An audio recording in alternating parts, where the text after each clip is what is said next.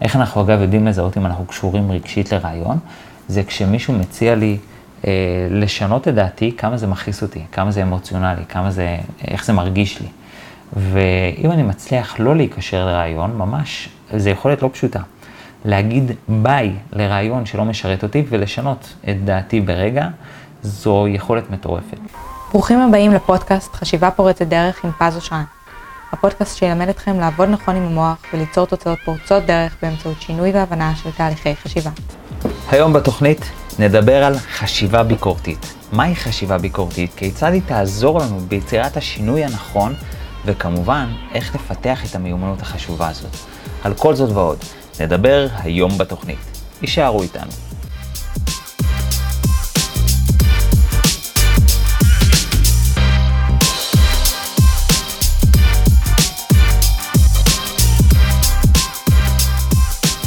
היי hey, חברים, מה שלומכם? ברוכים הבאים לפודקאסט חשיבה פורצת דרך. Uh, למי שלא מכיר אותי ולמי שחדש, אז נעים מאוד, קוראים לי פז אושרן. אני לא אעשה את כל ההצגה העצמית, אני רק אגיד שאני master ומורה מוסמך לתחום הזה שנקרא NLP וחשיבה פורצת דרך, ונצעד ישר לעניינים פשוט. אז היום אנחנו נדבר על אחד הנושאים לדעתי החשובים ביותר היום במאה ה-21, זה נקרא חשיבה ביקורתית. אמ, כשמה זה בכלל חשיבה ביקורתית ולמה זה כזה חשוב? חשיבה ביקורתית זה היכולת לאתגר רעיונות חדשים ולבחון אותם באופן אובייקטיבי. זה מבחינת ההגדרה. חשיבה ביקורתית זה היכולת לאתגר רעיונות חדשים ולבחון אותם באופן אפקט, אה, אובייקטיבי. גם אפקטיבי כמובן. למה זה חשוב היום במאה ה-21? תחשבו על זה קודם כל, אם אין לי את היכולת לאתגר רעיונות חדשים, ואני פשוט מקבל כל רעיון, כל רעיון חדש, כל דעה, אני פשוט הופך להיות פטי. אני, הדעות שלי משתנות כמו עלה נידף ברוח, ואז זה בעיה, אין לי, אני לא יכול שתהיה לי יציבות בחיים, כי אני עשוי לשנות את דעתי ברגע. מצד שני, אם אני הודף רעיונות חדשים ואני פשוט פוסל אותם, אז אולי יש לי יותר יציבות, אבל מהצד השני, אמ, אני בעצם לא מתפתח, אני לא משתנה, אני לא מתעדכן, אני לא לומד דברים חדשים. ובסוף הרי זה הגיוני לחלוטין שחלק מהדעות שאנחנו שומעים, חלק מההצעות שאנחנו מקבלים או מהעצות שאנחנו מקבלים, חלק יהיה שימושי, חלק כדאי שניישם, חלק נכון, טוב, אפקטיבי, יעיל, וחלק לא. וחשיבה ביקורתית בעצם, בעצם עוזרת לי לסנן את מה שלא אפקטיבי, לא נכון, אה, מיותר בחיים שלי, ולהישאר רק עם מה שכן רלוונטי, כן נכון, כן יעיל, כן אפקטיבי, כן יקדם אותי. אמ, כי לצורך העניין מישהו יכול לבוא ולהגיד לכם אה, איזשהו, איזשהו משפט אה, או איזושהי דעה שיש לו על העולם, נגיד, סתם אתן לכם דוגמה, נגיד אנשים שמאמינים, תדע לך, היום אנשים אגואיסטים, אנשים דואגים רק לעצמם, אל תאמין לאף אחד. ובסוף אנחנו רוצים לדעת איך להתייחס לזה, כי אם אני אה, אקח את הדעה הזאת, אז uh, אני עלול בעצם לא ליצור קשרים עם אחרים, כי אני לא אאמין לאף אחד, ואני אפחד אולי להיפגע, או אני אפחד שיפגעו בי. ואם אני אפסול את הדעה הזאת, ואני לא אקח את הדעה הזאת או שום דעה אחרת, אז אני גם עשוי להיפגע בעצם מאנשים שינצלו אולי את התמימות שלי ואת טוב הלב שלי. ובסוף אני רוצה לדעת כן לשנות את דעתי, וכן אה, ללמוד, וכן להבין דברים אחרים, רק כמובן, לדעת לסנן מה כן ומה לא. היכולת הזאת של לדעת לסנן מה כן, מה לא, נקראת חשיבה ביקורתית, ועל היכולת החשובה הזאת אנחנו נדבר היום.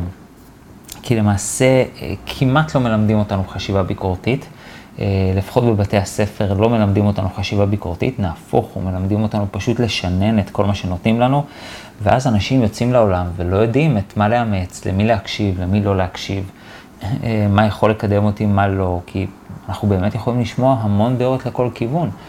אה, אפשר לקחת את זה על הרבה נושאים, גם הטעונים שבטעונים, כן, אם ניקח נושאים טעונים כמו אה, אה, הרפורמה המשפטית, נושאים פוליטיים, אתם יכולים לשמוע את כל הדעות בעולם, חיסונים, אה, את כל הדעות בעולם, אה, מה, לא יודע, איזה עוד אה, דעות אה, וקיחות יש, גם תזונה נראה לי, אה, טבעונות, קטוגניה, אה, אפשר לשמוע את כל הדעות בעולם על כל הדברים האלה.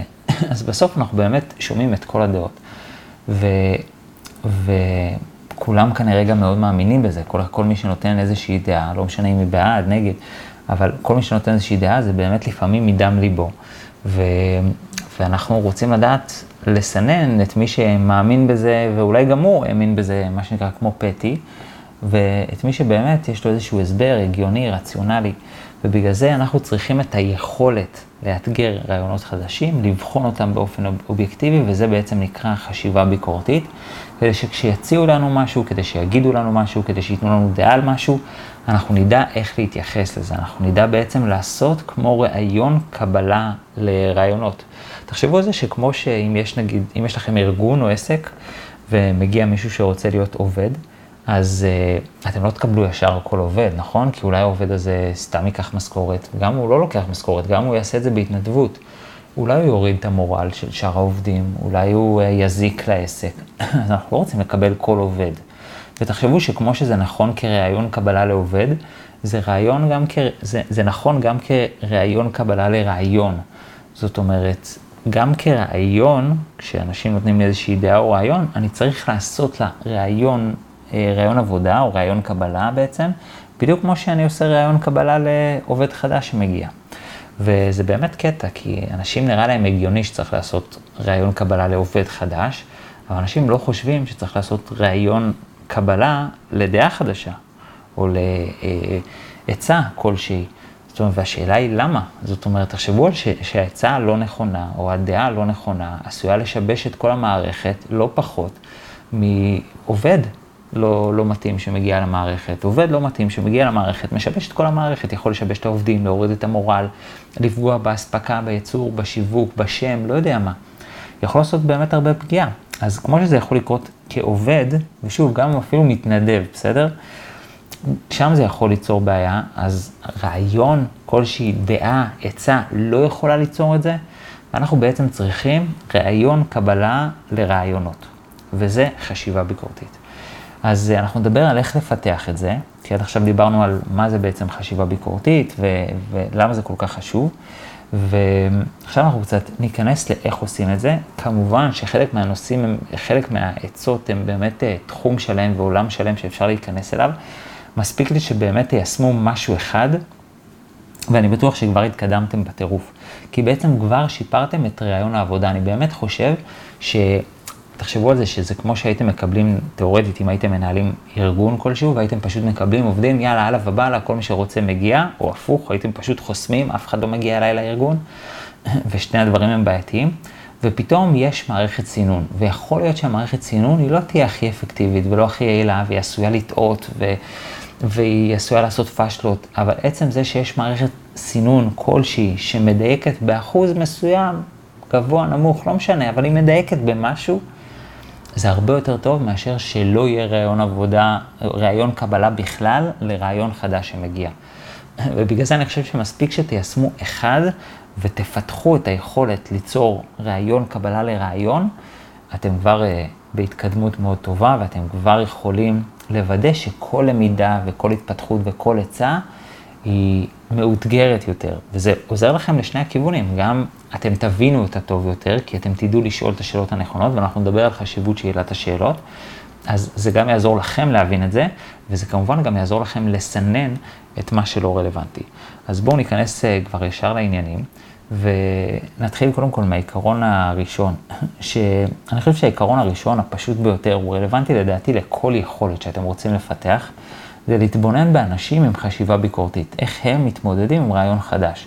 השאלות שהם שואלים, האופן שבו הם בוחנים את זה, האופן שבו הם מתייחסים לזה, ובכללי אני כן מציע לכם להתחיל להכיר ולבחון איך אנשים מתמודדים עם רעיון חדש. תחשבו על זה, לפעמים אתם יכולים להציע למישהו משהו, סתם תציעו, בסדר? כאילו, לא יודע, אני נגיד אוהב לראות את זה, לפעמים אני מציע לאנשים, לא כיועץ, אבל לפעמים אני אומר נגיד לאדם, וואלה, אתה יודע, הייתי מציע לך להשקיע בביטקוין, מישהו שלא מבין מה זה ביטקוין.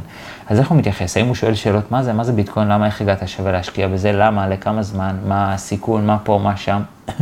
שואל שאלות, מתייחס בעצם, הוא כאילו עושה רעיון עבודה לעצה. יש כאלה אומרים, וואלה, סבבה, אמרת, השקעתי. כן, זה לא משנה, אגב, גם אם הרוויחו, אבל בסוף הוא יכל להפסיד באותה מידה. אז, אז זה גם לא אפקטיבי.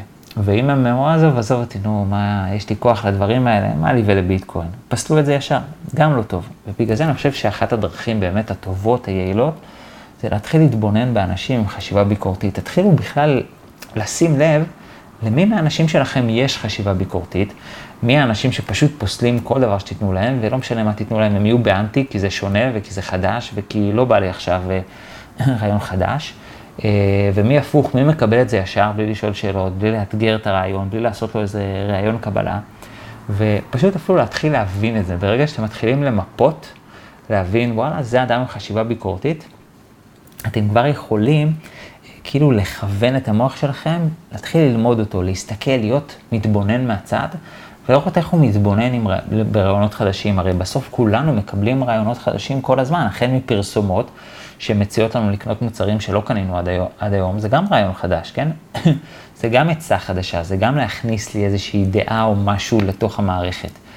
אה, אז דרך מפרסומות, מחברים שמציעים לי משהו, אה, אולי אנשי שירות כלשהם, אנחנו כל היום מוקפים בדעות ורעיונות חדשים שמבקשים להיכנס לנו לתוך המערכת ולתוך הראש, וכל אחד מתמודד עם זה אחרת, אז זה באמת להתחיל להסתכל, להתבונן על אנשים, מי עם חשיבה ביקורתית ואיך הם מתמודדים עם זה. אני באמת באמת חושב שאם אתם רק אה, מתבוננים בהם במשך תקופה, אני לא מדבר על להתבונן בהם פעם אחת, יום אחד, שבוע אחד, לא, באמת כאילו להתבונן בהם.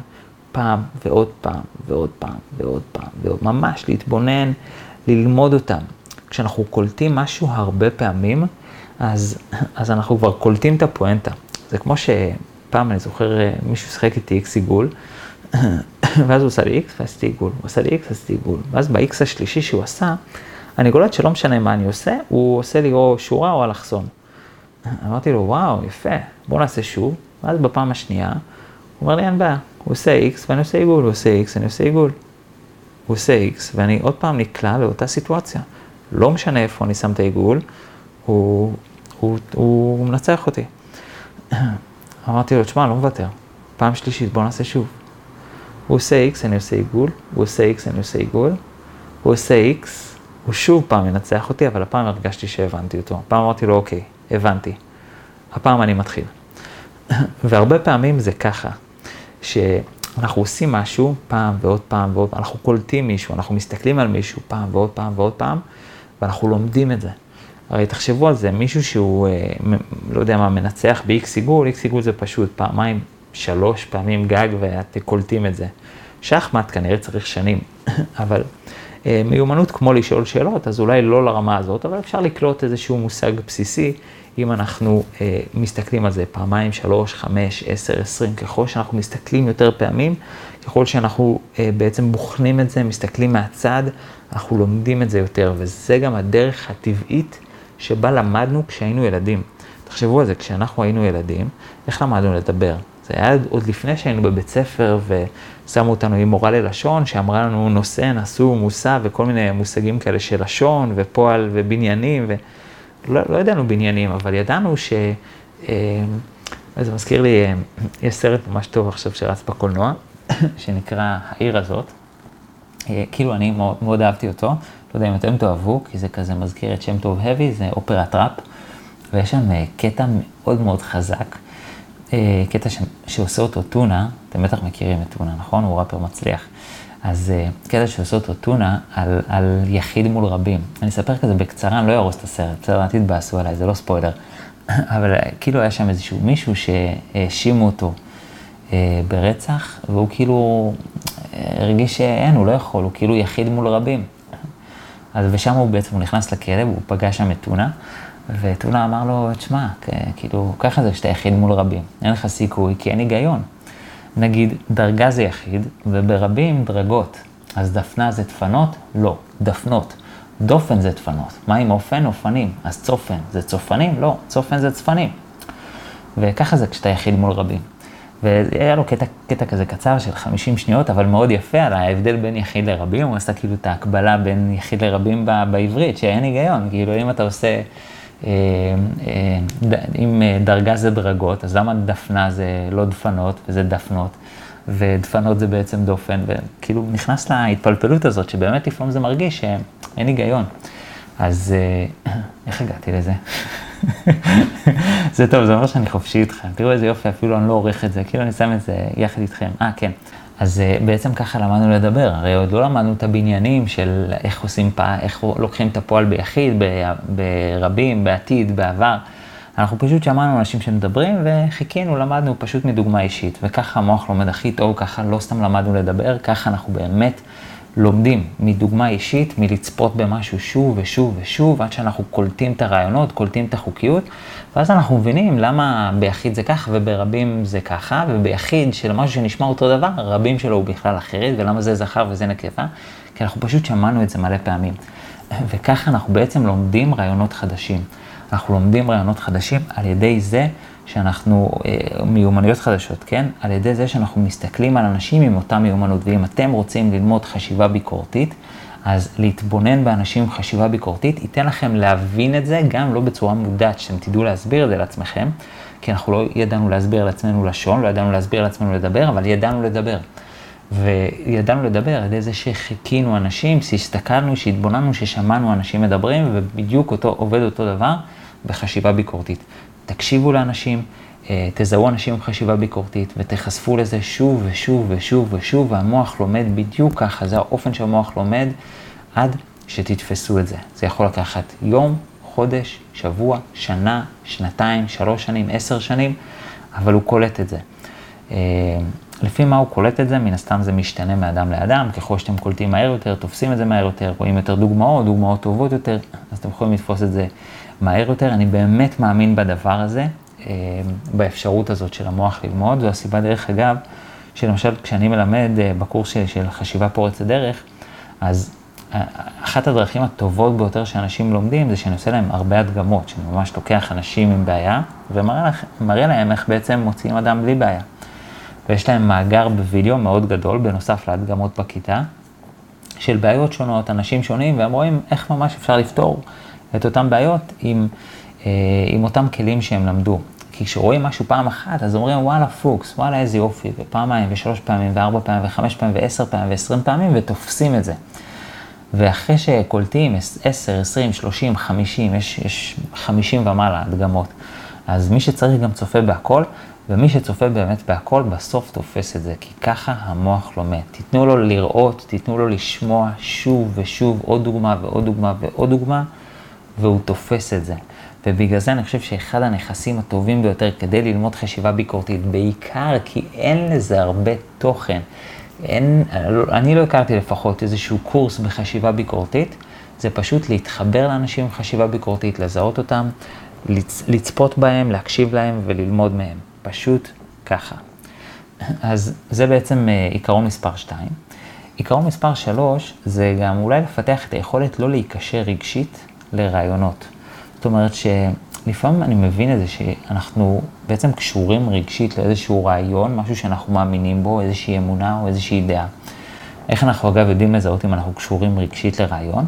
זה כשמישהו מציע לי אה, לשנות את דעתי, כמה זה מכעיס אותי, כמה זה אמוציונלי, כמה זה, איך זה מרגיש לי.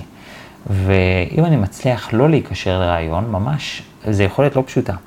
להגיד ביי לרעיון שלא משרת אותי ולשנות את דעתי ברגע, זו יכולת מטורפת. זו יכולת שמן הסתם יכולה להתפתח עם תרגול, עם ניסיון, מי שיש לו גם כלים של NLP, חשיבה פורצת דרך, זה מאוד יכול לעזור. אה, אבל, אבל גם מי שלא מספיק ההבנה הזאת, זה כבר נותן איזושהי התקדמות.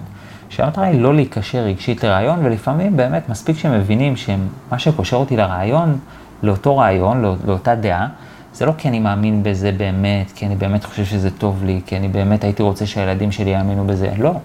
זה רק קשר רגשי, שאני רגיל לזה, שאני מפחד ממשהו אחר, שלא יודע מה, קשר רגשי. וכדאי לשים לב לדבר הזה, ואולי אפילו לפתח את הרצון להיפטר מהקשר הרגשי, אה, לאותם רעיונות. זאת אומרת, רק פשוט לרצות בזה וכבר.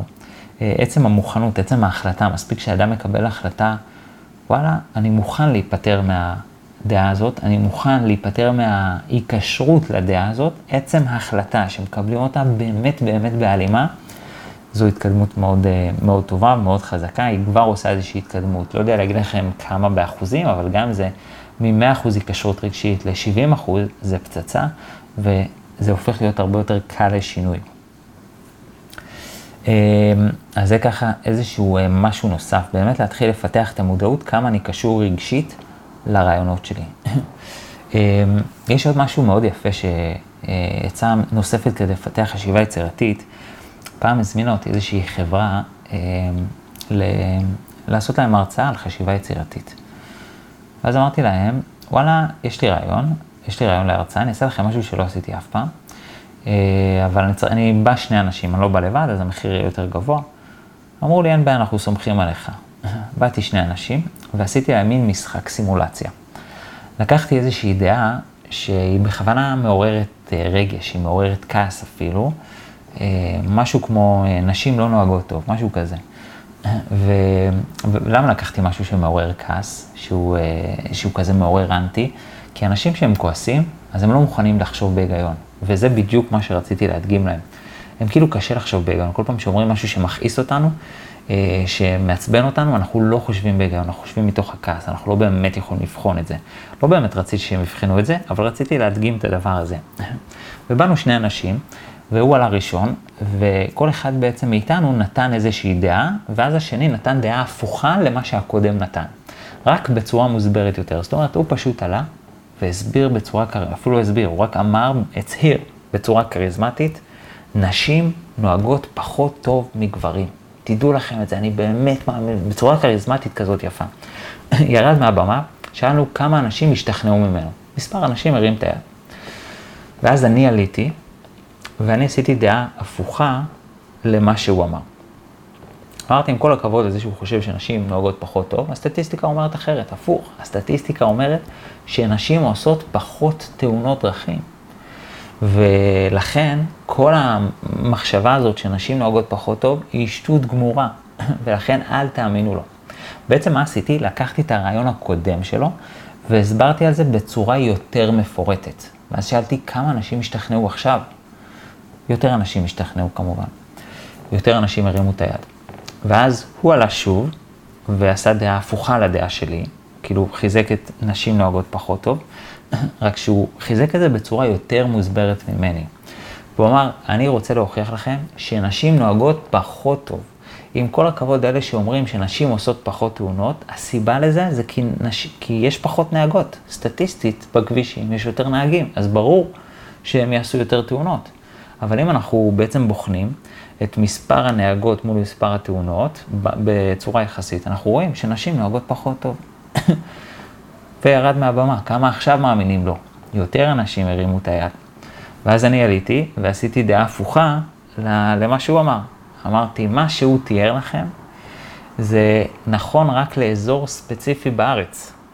בשאר האזורים בארץ, נשים נוהגות טוב גם אם אנחנו שומרים על היחס. זאת אומרת, רק באזור מאוד ספציפי בארץ, לא זוכר איפה זה היה, אילת אולי או משהו, יש פחות נהגות, ושם יש פחות תאונות, אבל בכל הארץ, אם אנחנו מסתכלים, אז גם אפילו אם אנחנו משווים את, את היחס של מספר התאונות ומספר הנהגות, אה, עדיין נשים נוהגות הרבה יותר טוב מגברים.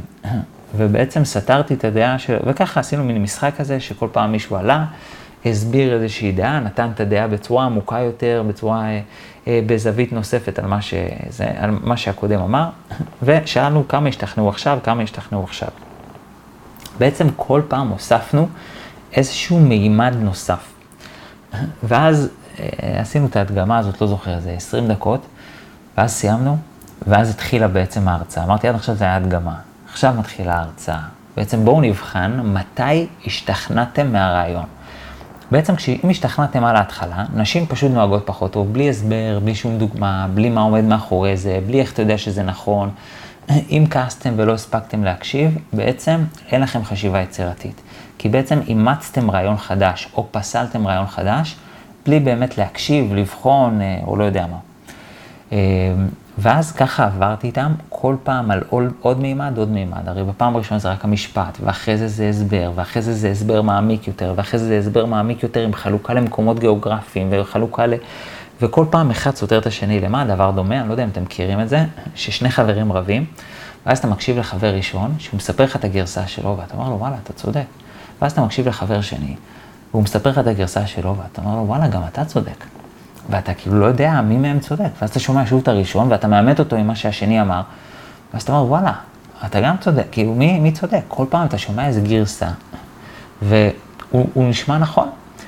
וחשיבה ביקורתית בעצם זה היכולת לעבור את כל השלבים האלה, והיא באמת לעבור אותם. זאת אומרת, אני לא צריך שיסבירו לי על ההבדלים ועל הנתונים הגיאוגרפיים ועל כל הזה כדי לבחון האם נשים נוהגות יותר טוב או פחות טוב. הידיעה זה כשמגיע הרעיון, זה כבר לדעת לשאול את השאלות, וכבר לדעת לבחון את זה, וכבר לדעת להעמיק, ב, להעמיק בזה, ו, ורק אז לגבש דעה האם הוא צודק או לא צודק, זה נכון או לא נכון. ובעצם היכולת הזאת שעליה אני מדבר, שזה גם מה שעשיתי בעצם באותה הרצאה שהזמינה אותי אותה חברה, אותו ארגון, אה, זה בעצם כל פעם להוסיף מימד חדש. יש אנשים שאם אתם נותנים להם רק את ההצהרה, זה מספיק להם. ויש אנשים שזה מרגיש חסר, כאילו, תוסיף לי עוד מימדים. עוד מימדים של איך הגעת לזה, ו- ומי הגעת הרעיון, ואולי יש לו אינטרס, ומה פה ומה שם, ולהבין את כל התמונה. וככל שאני מצליח לראות את התמונה בצורה רחבה יותר, ככה אני מגדיל את החשיבה הביקורתית.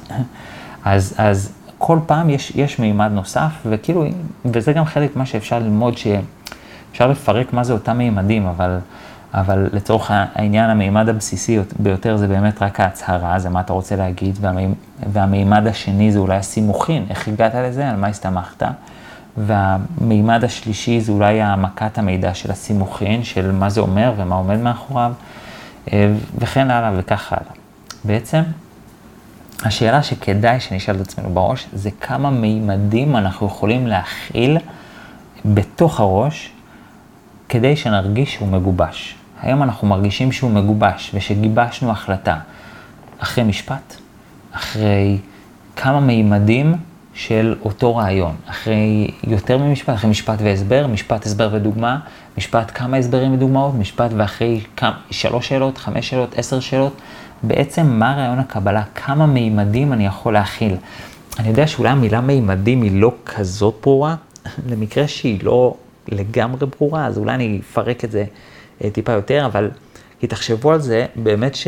עם, עם רעיון, כי, כי, כי באמת אני גם רואה את זה בראש בצורה כזאת תלת-ממדית, אם רעיון הוא כמו אה, אה, הבבושקה כזאת, אתם, אתם יודעים מה זה הבבושקה? שיש כאילו כזה אה, בובה בתוך בובה בתוך בובה בתוך בובה, אז כאילו כל מימד זה כאילו עוד בובה, ש, עוד בובה, אתה מפרק את זה למה, בתוך מה זה יושב, ובתוך מה זה יושב, ובתוך מה זה יושב, ובתוך מה זה.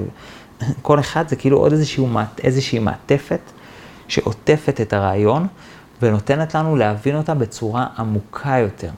וככל שאנחנו מרגישים רעיון ש- שהוא מושלם, אה, בצורה, אה, עם יכולת להכיל יותר מימדים, ככה אנחנו מפתחים יותר חשיבה ביקורתית. כי כאילו מי שזרק לי רק משפט, זה עדיין מרגיש לי ריק, הבבושקה שלך רכה, אה, ריקה. היא עוד לא מכילה מספיק כדי שאני אגבש דעה.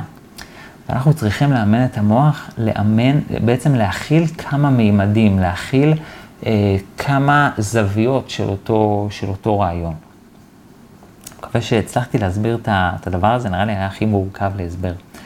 ואם אגב לא הצלחתם להבין את זה, אז אולי שווה לתרגם את זה בראש, שאיזה שאלה לא הבנתם. אה, רעיון מספר 5, או אה, זה כבר לא 5 אולי, או 4, זה בעצם כמה זמן אני יכול להכיל חוסר ודאות. כי בעצם, תחשבו על זה, ככל שאני יכול להכיל חוסר ודאות פחות זמן, אני אמהר להגיע למסקנה. ואז אני לא באמת בוחן אותה. לפעמים אנשים שקשה להם עם חוסר ודאות, תחשבו על זה, יש אנשים, אתם מכירים את האנשים שנבהלים מחוסר ודאות, קשה להם עם חוסר ודאות? אז אנשים שקשה להם עם חוסר ודאות, אה, אז הם בצורה מודעת או לא מודעת, הם פשוט מגיעים למסקנה מהר מדי. למה מגיעים למסקנה מהר מדי? כי אם ייקח לי זמן להגיע למסקנה, אז זה אומר שיש הרבה זמן שאני בחוסר ודאות, ולי קשה עם חוסר ודאות כביכול, אז אני כאילו לא מוכן לזה, אז אני מגיע למסקנה מהר. וזה בעצם הסכנה אה, בקושי בחוסר ודאות. ולכן אנחנו רוצים לפתח את היכולת להכיל חוסר ודאות, כי אם יש לי אה, יכולת להכיל חוסר ודאות, אז אני לא ממהר להגיע למסקנה. אז אני יכול להכיל את זה שאני עדיין לא יודע, עדיין לא הגעתי לתשובה, אני עדיין, אין לי תשובה סופית, ואני עדיין שואל שאלות, ואני לא נבהל מזה. ובגלל זה אחת היכולות שמאוד תורמות לחשיבה ביקורתית זה היכולת להכיל חוסר ודאות. כמה זמן אתם יכולים להכיל חוסר ודאות? האם בשנייה הראשונה זה מבהיל אתכם ואתם כבר מתים להגיע למסקנה, או שגם אם אין לכם תשובה אתם יכולים להכיל את זה ויכולים למשוך את זה עוד זמן עד שאתם מקבלים תשובה. ו, ופה זה באמת העבודה היא להרחיב את, את הזמן שאנחנו יכולים להכיל חוסר ודאות. והדבר האחרון, זה גם לדעת לשאול שאלות, הרי זה לא סתם שאני רוצה להכיל חוסר ודאות ולהיות עם זה בחוסר ודאות תקוע. לא, אני רוצה להכיל חוסר ודאות כדי שאני אוכל לשאול עוד שאלה ועוד שאלה ועוד שאלה. יש אנשים ששואלים שאלה ראשונה וכבר מגבשים דעה. יש אפילו מחקרים שאומרים שהרבה פעמים שופטים אה, רואים את המועמד והם כבר יודעים איך הם ידרגו אותו עוד לפני שהוא התחרה, עוד לפני שנגיד, סתם דוגמא, אם זה אתלטיקה או משהו כזה, אז הם יודעים כבר איזה ציון הם ייתנו לו עוד לפני שהוא אפילו התחיל אה, לעשות את, ה, אה, את השואו שלו, את הקטע שלו, את מה שהוא צריך להדגים. אה, כי בעצם הרבה פעמים אנשים מגיעים למסקנה מהר מדי. ולפעמים גם כשאדם שואל שאלה, אז הוא שואל אחרי השאלה הראשונה, ויכול להיות שדווקא בשאלה השנייה, פתאום זה יהפוך הכל. בדיוק באותה דוגמה שעשיתי עם ההרצאה לאותה חברה, שכאילו כל פעם מישהו הפך את הקערה על פיה, כל אחד נתן איזושהי דעה והשני סתר אותה בצורה יותר מבוססת, ואז זה סתר בצורה יותר מבוססת, ואז זה סתר בצורה יותר מבוססת, וככה הלאה, וכל פעם, אה, אתה צודק, אה, אתה צודק, אתה צודק, אתה צודק. ובעצם אנחנו רוצים לא למהר להגיד שמישהו צודק, שדעה היא נכונה או לא נכונה, אלא עדיין להישאר עם החוסר ודאות שאני עדיין לא יודע, להיות בסדר עם זה, להיות בשלום עם זה, ואז אני יכול להיות פנוי לשאול שאלות. ופה זה באמת אה, משהו שאני יכול לדבר עליו אה, בלי סוף, שזה ללמוד לשאול שאלות. אצלי אגב בקורס יש איזה ארבעה שיעורים שלמים רק על איך לשאול שאלות. וזה רק בפרקטישן אני מדבר, אני לא מדבר אפילו מה קורה במאסטר, שזה בכלל עולם שלם על מה לשאול, על איזה שאלות אפשר לשאול, ואיך שואלים שאלות טוב כדי להשיג מידע וכדי להבין ולהסיק מסקנות וכן הלאה. כאילו זה באמת מיומנות חשובה סופר, ואפשר uh, לדבר עליה שנות, שנים, ו, שנים ושעות, ו, ופשוט באמת שימו לעצמכם כמטרה ללמוד לשאול שאלות. איך ללמוד לשאול שאלות בצורה הבסיסית והפשוטה ביותר, בדיוק כמו הסעיף הראשון שדיברתי עליו, אפשר אפילו להתבונן באנשים עם חשיבה ביקורתית. איך הם שואלים שאלות, איך הם מגיעים למסקנות, ומזה אפשר ללמוד הרבה. ככה בוחנים רעיונות חדשים. מישהו אומר לכם שאתם יכולים, מישהו אומר לכם שאתם לא יכולים. אל תאמינו ולא תאמינו ישר. זה להגיע למסקנה מהר מדי. אלא תלמדו לבחון כל רעיון עם חשיבה ביקורתית. לאתגר רעיונות חדשים. וזה בעצם מה שאני מעודד אתכם לעשות. עד כאן לפרק זה, מקווה שנהנתם, אם אהבתם אז אתם כמובן מוזמנים לתת לייק ולשתף, ואתם כמובן גם מוזמנים לקורס המטורף שלנו ב-NLP וחשיבה פורצת דרך, הוא מטורף, אין שני לו, הוא לא חוזר גם על מה שקורה בפודקאסט, הוא באמת אה, עולם מטורף, אני חושב שזו המתנה הטובה ביותר שאתם יכולים לתת לעצמכם, ואני באמת מאמין בזה, אני באמת באמת מאמין שזה הקורס הכי טוב בארץ. אני, אני לא רוצה להגיד סתם הכי טוב בעולם, כי זה באמת נשמע שחצני, אבל לפחות לפחות בין הטובים בעולם. ואתם מוזמנים לבחון ולבוא, אה, ואפילו לקבל את השיעור הראשון במתנה ו, ולהתרשם בעצמכם. אז אה, אם זה מעניין אתכם, צרו איתנו קשר, הפרטים מופיעים מתחת לכל סרטון ביוטיוב. אנחנו ניפגש בשבוע הבא, בפרק הבא, חשיבה פורצת דרך בכל הפלטפורמות, לי קוראים פז אושרן, תודה רבה לכם על ההקשבה, שיהיה לכם המשך שבוע מצוין. ביי בינתיים. תודה שהאזנתם לחשיבה פורצת דרך עם פז אושרן.